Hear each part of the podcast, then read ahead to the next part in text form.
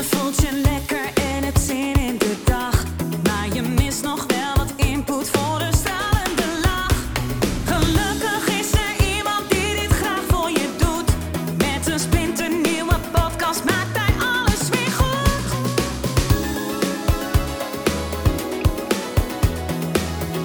Maak weer eventjes vrij voor Edwin Selij. De misstanden bij de Voice of Holland echt een maatschappelijk probleem. Welkom ladies and gentlemen bij de Kom uit Hypnose podcast. Vandaag wil ik het met je hebben over meerdere dingen, maar eentje in het bijzonder. En dat is de schuldvraag. Wie is de schuldige? Nou, ehm, een mooi voorbeeld. Nou, mooi. Mooi is het eh, bij lange na niet. Maar een goed voorbeeld dan. eh The Voice of Holland. Nou, daar eh, zijn allerlei misstanden aan het licht gekomen. Eh, verwerpelijk, hè, eh, natuurlijk. Laat dat duidelijk zijn. En daaruit komen allerlei dingen voort. Hè, er komt een enorm licht, wordt erop geschenen. En ja, daar gaan mensen wijzen. Hij heeft het gedaan. Ja, maar zij heeft het gedaan. Ja, nee, maar de mannen zijn het. Ja, maar de vrouwen die moeten gewoon hun mond open trekken. Nou, en zo gaat het dan over en weer. En ik dacht, ja, wat moet ik hierop zeggen? Eh, Maar op één ding eh, triggerde mij. Ehm, en dat is deze zin. De verantwoordelijkheid ligt niet bij het slachtoffer, maar ligt altijd bij de dader. En toen vroeg ik me af, welke verantwoordelijkheid? Ja, en nou ga ik een beetje kort door de bocht, dus hou je vast. Ehm, stel je voor, hè, we hebben een eh, verkrachter en de verkrachter heet eh Ari. Sorry als je dit luistert en eh, je heet Ari, maar ja, en Ari is een verkrachter. Je zou kunnen zeggen, hij neemt zijn verantwoordelijkheid door te verkrachten. Ja, want anders zou hij geen verkrachter zijn. Dan zou hij gewoon, ja, dan had hij dat woord niet achter zijn naam. Arie de verkrachter. Ja, en een verkrachter verkracht. Een, leugenaar die liegt. Anders noemen we hem geen leugenaar. Dus daar neemt hij zijn verantwoordelijkheid in. Dus de dader neemt al zijn verantwoordelijkheid door de daad te plegen. En nu denk je, nee, ja, maar dat, zo bedoel ik het niet. Oké, maar wat, bedoel, wat bedoelen we er dan mee? Moet hij eh, of zij de verantwoordelijkheid eh, zijn excuus maken? Ja, oké. Moet hij het nooit meer doen? Ja, oké. Eh, moet hij eh, eh, gestraft? Oké. Dus hij moet van alles. Hij moet van alles, alles, alles. En ehm, nou, daar kunnen we over discussiëren. Wat, welke strafmaat? Moet hij verbannen worden? Moet hij opgehangen? Geen idee. Dus er moet- hij moet van alles. Hij moet door de stof. Hij, nou ja, hij heeft heel veel verantwoordelijkheden. Het slachtoffer niet. In deze zin. Geen enkele. En dan denk ik, ja, dat lijkt mij niet handig. Dus eh, met andere woorden, ehm, niet dat ik verantwoordelijk ben voor dat het mij is overkomen. Want dat is natuurlijk, eh, dat is gek. Want we komen Arie de verkrachter tegen, bijvoorbeeld. Hij is een verkrachter, hij verkracht. Ja, daar kan ik in principe niks aan doen dat ik hem tegen ben gekomen. Ja, misschien had ik linksaf kunnen gaan, misschien rechtsaf, misschien. Maar ja, dat, dat is zoals het is. Daar heb ik geen eh, verantwoordelijkheid in. Misschien heb ik me wel verzet, lukte niet. Misschien deed ik niks, lukte niet. Weet je wel, daar, daar gaat het niet om. Maar de verantwoordelijkheid eh, ligt natuurlijk wel bij het slachtoffer om zich weer goed te gaan voelen, eh, om erover te praten, om te melden, eh, om eh, het trauma eh, op te lossen zodat het niet wordt doorgegeven aan haar of zijn kinderen. Daar liggen heel veel verantwoordelijkheden om te gaan doen. En dat vind ik dan een beetje een aparte zin. Want we hebben allemaal onze verantwoordelijkheden. Dat is natuurlijk niet een ding. Hè? Je hebt het niet, je doet het. Dat is mijn boekje. En daar beschrijf ik dat ook. Ja, je hebt geen verantwoordelijkheid, je doet verantwoordelijk. Ja, en wat betekent dat dan? In de ene cultuur is het dat, in de andere cultuur is het zo. En ehm, dat is een interessante cultuur. Kijk, wanneer jij in een cultuur terechtkomt van, eh, ik noem maar wat. Hè, dus ik ben een vrouw, ben ik niet natuurlijk. Hè, en ik begrijp ze ook niet, dus bear with me. Ehm, en je bent een vrouw en je komt in een omgeving te werken met bijvoorbeeld nou, 50 mannen eh, die jou willen aanranden, verkrachten, eh, allerlei seksuele opmerkingen maken. Ehm, dan kan je natuurlijk zeggen, ja, dat ligt allemaal bij hun. Nou ja, en dat kan je ook makkelijk zeggen, want ja, dat is de cultuur. Maar eh, bij jou ligt dan de verantwoordelijkheid, oké, ga ik hier wat van zeggen? Nou, stel je voor, ik zeg er wat van en het houdt op. Oké, nou, dan, dan is de meest, bijna de meest eenvoudige oplossing. Stel je voor, ik zeg er een keer wat van en het houdt niet op. Nou, dan ga ik extern ergens heen en zeg ik, nou, ik wilde die cultuur veranderen en er gebeurt niks. Oké. Het is heel moeilijk uh, om een hele cultuur in je eentje te veranderen. Daarom is het ook goed dat dit gebeurt, is, hè, nou ja, niet dat het gebeurd is, maar wel dat het nu uitkomt, dat er echt een cultuursverandering komt. Hopelijk dan, hè? dat weten we nog niet. Nou, mijn mening is, de cultuur komt altijd van de leider. Ja, de leider bepaalt de cultuur. dus bij de Voice of Holland zou je kunnen zeggen, uh, John de Mol bepaalt de cultuur. Maar goed, als hij daar allerlei mensen onder zich heeft die uh, daar meer op de dagdagelijkse dingen doen, bepalen zij de cultuur. Nou ja, en als je een bandleider hebt, dan bepaalt die de cultuur uh, van de band. Ja, die cultuur is, uh, is moeilijk te veranderen. Ook als je in die band zelf zit. Ja, je kan iemand aanspreken. Dan kan je zeggen, ja, die mannen moeten hem aanspreken. Ja, maar dat is nog niet zo heel makkelijk. Uh, het kan wel en je doet het misschien ook wel, maar dat wordt dan een beetje weggehoond, weggelachen. Je doet het twee, drie keer en je denkt, nou ja, weet je, ik laat het maar zo. Ja, en, en dan denk je van, ja, maar waarom dan? Nou ja, omdat ik een baan heb en omdat ik zekerheden heb en omdat ik een familie heb. En omdat ik het leuk vind werken. En af en toe zo'n opmerking. Ja, nou ja, dat neem ik dan maar op de koop toe. Het is net als in een land wonen waarin een bepaalde cultuur is, waar je het ook niet altijd mee eens bent, maar je laat het maar zo. Ja, en dan kan het natuurlijk dooretteren. En, en waar wij dan geneigd zijn in het Westen. Ja, hij heeft het gedaan. Hij moet zijn verantwoordelijkheid nemen. Hij, hij, hij. Zou in het Oosten zeggen: oké, maar wat hebben wij gedaan waardoor hij zo kon worden? Dat is ook een interessante vraag. Ja, en dat heeft met cultuur te maken, met maatschappij te maken. Nou, en als je het nog verder doortrekt, hè, dan, ja, educate your sons. Nou, ik heb vier jongens. Uh, wij hebben het er natuurlijk nu over.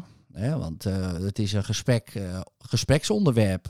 en het is ook goed dat het een gespreksonderwerp is geworden. Ook daar zie je weer dat dat doorgolft. En dat nu het uit is gekomen, dat er ook gesprekken aan de keukentafel plaatsvinden. En zeggen, ja, wat vinden jullie daarvan? Nou, mijn jongens snappen daar helemaal niks van. Ja, dat je dat doet als man. Nou, dat is prima.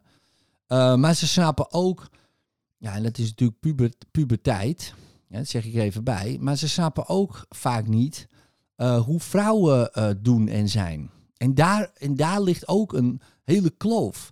He, dus vrouwen uh, begrijpen mannen niet. Nou ja, en mannen vrouwen niet. En eigenlijk begrijpen we jou al niet en jij begrijpt mij niet. Dat is gewoon individueel. We hebben allemaal onze filters. We kunnen elkaar nooit helemaal begrijpen. Nooit. Dat is onmogelijk. Misschien begrijp je jezelf al amper. Uh, laat staan dat een ander jou wel uh, kan begrijpen. Maar daar zie je dan al wel bepaalde uh, bepaalde dingen ontstaan, bepaalde culturen. Ja, ik weet nog, bij ons in de, vroeger in de voetbalkleedkamer, ja, dat was echt een alfa-cultuur, alfa-mannencultuur. Ja, daar werden de meest seksistische dingen besproken. En, en ja, dat, dat, wil je niet weten. Um, maar als die cultuur, die voetbal, die kleedkamercultuur naar een bedrijf gaat, uh, nou, zolang het alleen mannen zijn, ja, kan het nog wel, zou je kunnen zeggen. Want dan is het mannen onder elkaar. Eh, um, maar als daar opeens een paar vrouwen bij komen, en zij hebben nog steeds die cultuur, ja, dan gaan ze ook opmerkingen maken richting die vrouw, omdat ze dat gewend zijn. Nou is dat natuurlijk nog steeds niet goed te praten. Uh, maar we zijn allemaal mensen en we maken allemaal fouten. En natuurlijk zijn er enorm. Ja, kijk, er zijn gigantische grenzen overschreden. Uh, en dat is natuurlijk nooit goed te praten. Maar het is altijd goed wel om te kijken: oké, wacht even. Waar komt dit vandaan en waar is het nou? Waar zit de oorzakelijkheid nu? Nou, want het zijn allemaal gevolgen. En dat was vroeger al. Het is, nou ja, vroeger was het nog erger. Dan mocht de vrouw helemaal niks. Nou, jaren 50. Dus wat dat betreft zijn we al uh, flink vooruit gegaan. Maar om het nou om te draaien is natuurlijk ook wel, hè, educate your sons. Nou ja, educate people. Educate children. Van oké, hoe gaan we met vrouwen om en hoe gaan we met mannen om? Het is natuurlijk ook prima voor mannen uh, om hun gevoelens te uiten. Nou ja, als je dat niet wordt geleerd, ja, en je lacht het weg en je uh, maakt er grapjes van en dat soort dingen ja, dan kan dat voor problemen zorgen. En dan weet je niet precies hoe je uh, ja, in die communicatie met je gevoelens om uh, moet gaan. Bijvoorbeeld met allerlei excessen tot gevolg. Stel je voor je bent verslavingsgevoelig. Ja, dan kan dat ook allerlei excessen tot gevolg hebben. Kijk, voor mij is een verslaving, want dit zou je kunnen zien bij, bij hem dan als een seksverslaving. Um, bij, uh, de, bij de Voice of Holland. Uh, ja, dat komt van uh, minderwaardigheidsproblemen. Nou, oké, daar hebben we allemaal wel in min of meer last van. De een meer als de ander. maar ook van een gebrek aan sociale controle. Dus, dus je ziet vaak bij een onderzoek met ratten als ze een rat isoleren en cocaïne geven, cocaïnewater, blijft hij dat drinken totdat hij dood is. Zetten ze hem bij een groep ratten, hè, waar hij sociaal wordt opgenomen, en ook cocaïnewater, dan gaan de ratten op een gegeven moment daar niet meer van drinken, maar dan drinken ze gewoon water, hè, als ze de keuze hebben. Uh, dan zie je dus dat uh, bij ratten, die best wel veel lijken op mensen, um, zie je dat als uh, in plaats van dat we mensen afstoten, wat onze knierreflexreactie is, omdat wij zo zijn opgevoed, juist opnemen in de samenleving. En een goed voorbeeld is Portugal. Die, die gingen eerst de heroïne-junks wegknuppelen richting verlaten stations. Nu hebben ze opgenomen. Dat heeft jaren geduurd, maar nu hebben ze het laagste verslavingscijfer van de wereld. Um, omdat ze ook dat onderzoek hebben gelezen. Uh, en dat ook hebben uitgevoerd op mensen. En het werkt. Ja, dus. En dat is heftig. Uh, en dat is het meest moeilijke wat er is. Het meest makkelijke is wegwezen, oprotten, uh, in elkaar beuken, ophangen. En we halen zeg maar de beschimmelde mandarijn uit de bak, zodat de rest niet beschimmelt. Maar wat nou als ehm, nou ja, de mandarijnen al waren beschimmeld toen het andere mandarijntje erbij kwam. Ja, dan wordt de mandarijn vanzelf ook beschimmeld. En ik denk dat wij met z'n allen um, soms eens terug moeten gaan naar onszelf en bedenken, ja, maar wacht eens even. Uh, wij leven in een beschimmelde omgeving. Wij zijn niet perfect. We weten het allemaal ook niet. We proberen maar van alles. En uh, er worden fouten gemaakt. Nou, nogmaals, dit is niet om het uh, te bagatelliseren, absoluut niet. En ik ben ook van mening dat beschimmelde mandarijn in een bak gewoon eruit en uh, even apart gezet mogen worden. Maar hoe willen wij als samenleving op een gegeven moment gaan leven? Kijk, uh, we kunnen gaan wijzen van, uh, nou ja, het zijn de mannen, het zijn de vrouwen, um, dat soort dingen. Maar ik denk, het is een hele maatscha maatschappelijk probleem. Dus dan begint het bij onderwijs. Dan begint het bij opvoeding. Nou, opvoeding is lastig, want die mensen zijn ook al um, eigenlijk in de beschimmelde bak terechtgekomen, zou je kunnen zeggen, en hebben allerlei meningen en ideeën erover. Maar het begint bij onderwijs. Samenwerken. En ik zie echt wel uh, verbetering al. Ja, dus, dus uh, in plaats van nu te wijzen. Als ik kijk naar de jongeren, hoe zij met elkaar omgaan in de vriendengroepen, eh, jongens, meiden, eh, door elkaar heen, dan zie ik al echt wel verandering. Ehm, hè, het zijn ook bezig met hun identiteit, weet je wel, hun, hun genders. Ben ik wel een meisje? Ben ik wel een jongen? Ook daar zie je allerlei veranderingen plaatsvinden. Dus ja, ik heb eigenlijk, ehm, gek genoeg misschien, ehm, goede hoop. En dan zie je dat dit soort excessen gewoon uitkomen. En sneller nog. Hè, dat overal licht op wordt geschenen. Overal komen mensen, hè, shit, uit die hypnose van shit. Ik zit gewoon in een band en ik, ik deed gewoon mee, weet je wel. Waar, waar was ik mee bezig? Weet je, als die kikker in het water... En het water wordt steeds warmer en de kikker heeft het niet door totdat het water kookt en de kikker is dood. Ja, en nu zitten we op kokend water. En, uh, en opeens uh, is, het, uh, is het een drama. Maar ja, dat is goed. Trek de pleister er maar meteen af in één keer. Ram het eraf. En dan kijken we wel wat de wond wat er onder zit. Maar die wond, die komt ergens vandaan. Die wond is niet te pinpointen op één iemand. Zelfs niet op een cultuur. Want die cultuur ontstaat ook weer. Ook weer jarenlang, jarenlang een cultuur. Misschien wel tientallen jaren, twintig jaar en dan is het heel makkelijk om te zeggen, ja, dat moet je veranderen. Uh, en dat moet ook, uh, absoluut. Uh, maar je ziet, ja, als iets 30 jaar misschien werkt, 40 jaar werkt, tussen haakjes werkt, want je mag je afvragen of het ooit gewerkt heeft, hoe ga je dat dan veranderen? En ik denk dat die verantwoordelijkheid niet af te schuiven is.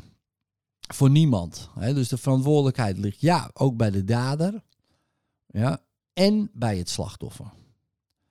Ja, want de dader, ja, die hadden ze, dat hadden ze moeten zien en die had ontslagen moeten worden, al lang al. Hè, dus die hele cultuur, dat weten mensen. Ja, die hadden aan de bel moeten trekken. Daar ligt ook verantwoordelijkheid. Die hadden ze moeten doen. Maar ja, met allerlei geval bang. En die vrouwen hadden ook aan de bel moeten trekken. Maar die waren ook bang. En dan zie je door die angstcultuur, want dat is het, dat ook waarschijnlijk bandleden die het ook wel zagen en dachten, ja, dit kan eigenlijk gewoon niet, weet je wel, met een beetje lachen. Ik denk, daarna ga ik toch naar huis. Hebben ook niet aan de bel getrokken, ook bang voor hun positie. Um, vrouwen ook bang voor hun positie. Nou, en dan komen gewoon mensen ermee weg. Maar ja, waar komt die angstcultuur vandaan? Ja, van de leider. En waar komt dat weer vandaan? Nou, die, die heeft dat ook zo geleerd door in zijn jeugd dat ook mee te maken. Ik denk, oh ja, zo, zo moet je doen als leider. Ja, en als dat je succes oplevert en je kijkt naar je bankrekening, denk je, ja, er staat 2 miljard op. En iedereen zegt, ja, maar ik vind dat je te heftig leiding geeft. En denk je, ja, wat kom jij nou doen? Uh, ja, heb jij het succes zoals ik? Nee, nou, dan heb, ik, heb je niks aan mij te vertellen. Dan snap jij het niet. He, bijvoorbeeld. Dus je wordt beloond voor je gedrag wat niet werkt. Nou ja, wat wel werkt, vind jij, want ja, je hebt allerlei successen. Dat is super interessant natuurlijk. Ja, en wat denk je dat je dan doet als je beloond wordt voor gedrag wat niet oké is? Dan blijf je dat gewoon doen. En als je daar heel veel voor beloond wordt, echt enorm veel, 2 miljard eurotjes, ja, een goeie die dan zegt, nou, weet je, Oh, ik vind het echt verschrikkelijk. Al het geld wat er naar me toe komt, omdat ik dit doe, ik ga wat anders doen, weet je wel. Ik ga het helemaal anders doen. En, dan, en, dan, en met, met, het, met de angst dat je misschien alles verliest. Nou ja, weet je, en dat soort variabelen spelen allemaal mee. En dan kan je wel zeggen, educate your sons. Of uh, vrouwen moeten weerbaar worden. Je zou kunnen zeggen allebei. Maar ja, je zou ook nog veel verder kunnen denken, hé, hey, waar komt dat allemaal vandaan? En moeten we niet, moeten. Kijk, ik snap het niet. Ik zou niet in zo'n cultuur kunnen werken. Nooit. En daarom snap ik uh, niemand die daar uh, werkt. En dat weten. Maar ik denk, als je daar werkt, weet je het. Maar, maar goed, hè, laten we ze aannemen dat sommigen het niet weten. Ja, ik zou daar nooit onder zo iemand kunnen werken. Maar goed, dat ben ik. Weet je wel, en in mijn bedrijfscultuur is een open cultuur. Ja, ik weet ook niet alles. Maar ja, ik bedoel, wij zijn een open boek. En zeker geen angst. Iedereen kan zeggen wat hij wil. En eh, soms gaat het tekeer. En eh, ja, en, en dan is het open, weet je wel. En dan, en dan gebeuren dat soort dingen. Ja, kijk, je kan het. Kijk, wij zijn niet zo groot. Hè, dus je weet niet als je nog groter wordt wat er gaat gebeuren. Maar ik ben van mening, als de cultuur een open cultuur is waar iedereen durft te zeggen wat hij vindt, ja, dan, dan is het bijna onmogelijk dat dit soort dingen plaatsvinden. En daar begint het, mijns inziens, uh, om dat eruit te halen. En ik denk dat daar een grote verantwoordelijkheid ligt als maatschappij zijnde. Want het is niet het enige bedrijf. Heel veel multinationals zitten zo in elkaar. Heel veel scholen ja, trainen jou om competitief te zijn, de beste te zijn. Wie heeft het hoogste cijfer? Daar begint het al. Bang om te falen. Um, presteren, dan ben je iemand. Weet je, de rest, jij bent slecht, want jij hebt een drie. Weet wel zo. Dat begint al van jongs af aan.